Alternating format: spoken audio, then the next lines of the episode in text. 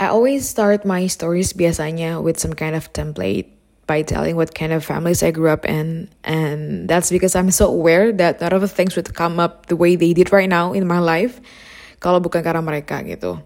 Either it's my professional experience or even my very weird and complex personal problems. I don't know. And judging from what my family looks like gitu. It's very impossible for them to create a person who have an interest in, you know, literature. Sebenarnya nggak literature amat gitu, but kayak um, nurturing someone that somehow have a hobby in writings. And truth be told, um, I used to write, you know, not kind of in professional manner, yeah, enggak. But it was started back when I was still doing show and tell competitions. I was very, very little, and I never really told people about this. But up until right now, one of my ways to calm down my nerves are writing my feelings down. Bisa itu diary or even kayak impromptu emergency um, action gitu. Kayak kalau lagi bete, kayak I just come up with a very clean slate of paper and just write things down either kayak gue got mad or even kayak I'm very excited kayak those um, the things that I did untuk kayak contain my emotional baggage pakai kertas gitu. And I ever thought to pursue the writing hobby, but I was surrounded by many friends ya yang so amazing at this, and I was just gimana ya? I I guess I was just too ashamed of telling that I might have the same interests, so I buried it karena malu aja tuh cerita gitu.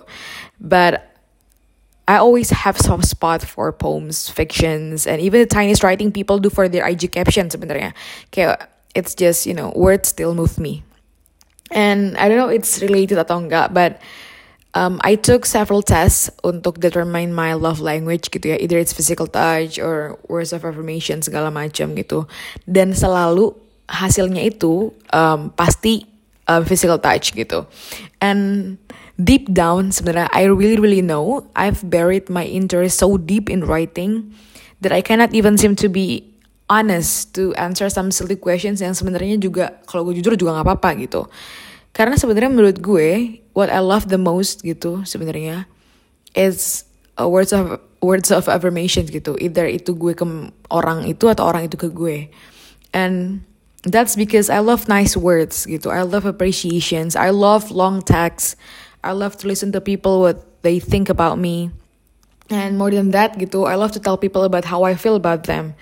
Tapi ya, then again, um, I buried it so deep that I forced myself to yell cringe gitu every time kayak um, I happen to be in the middle of sentimental moments gitu. Dan um, akibatnya adalah um, all these years people know me gitu as some kind of um, savage resting beach face girl aja gitu yang punya zero time to put her feelings into words dan ya udah I forgot about that and I forgot what I need. And as far as my experience in life gitu, it's just easier if people know that I'm a heartless bitch instead of trying to opening up that I have a far more sensitive part that I keep hidden. I don't know why, kayak telling people that kayak gak menguntungkan juga gitu. And as time goes by, I can forget about how beautiful words can be gitu. Kayak I still suka scrolling scrolling about poems segala macam and I love good books gitu. But still gue nggak bisa express itu lagi because ya yeah, my priority udah beda aja sekarang and I kinda bukan enjoy it tapi lebih kayak terbiasa aja gitu. And I stopped telling people about how good they are just because I don't want to stuck in a situations where I should open up and use my words to translate how I feel gitu. Jadi I always justify my silence by telling to myself kayak yaudah sih mereka udah tahu ini kalau mereka emang good. Jadi kayak I don't need to tell that. Tapi deep down I know gitu. Sometimes people need to hear that untuk bisa motivated, untuk bisa make make their day gitu. Because I do too gitu. Even if I know I'm good, tapi I need to listen to people yang bilang itu ke gue I need to hear that from the people gitu kan. Dan ya udah gitu gue nggak mau um, repot-repot untuk melakukan itu lagi because ya lagi-lagi kayak I'm trying to locking down all my feelings. And every time someone I really care about don't say enough good stuff about me I would blame myself for wanting more. Itu sih yang menurut gue bahayanya. Kayak I used to say out loud that I love long text messages, captions, kayak um, my ex sebenarnya kayak gue selalu bilang ke mereka bahwa I love words gitu. Even gue nggak peduli kayak you cannot buy me a designer bag atau apa pun itu, gue nggak peduli sama sekali. Gue nggak peduli lo nggak ngajak gue ke mana-mana, tapi what I really care about is how you take time to write long, nice um, messages about me tentang how proud you are having me as your significant others kayak gitu-gitu ngerti gak sih? Kayak that's my biggest prize. Dan not all people actually enjoy doing it gitu kan ya.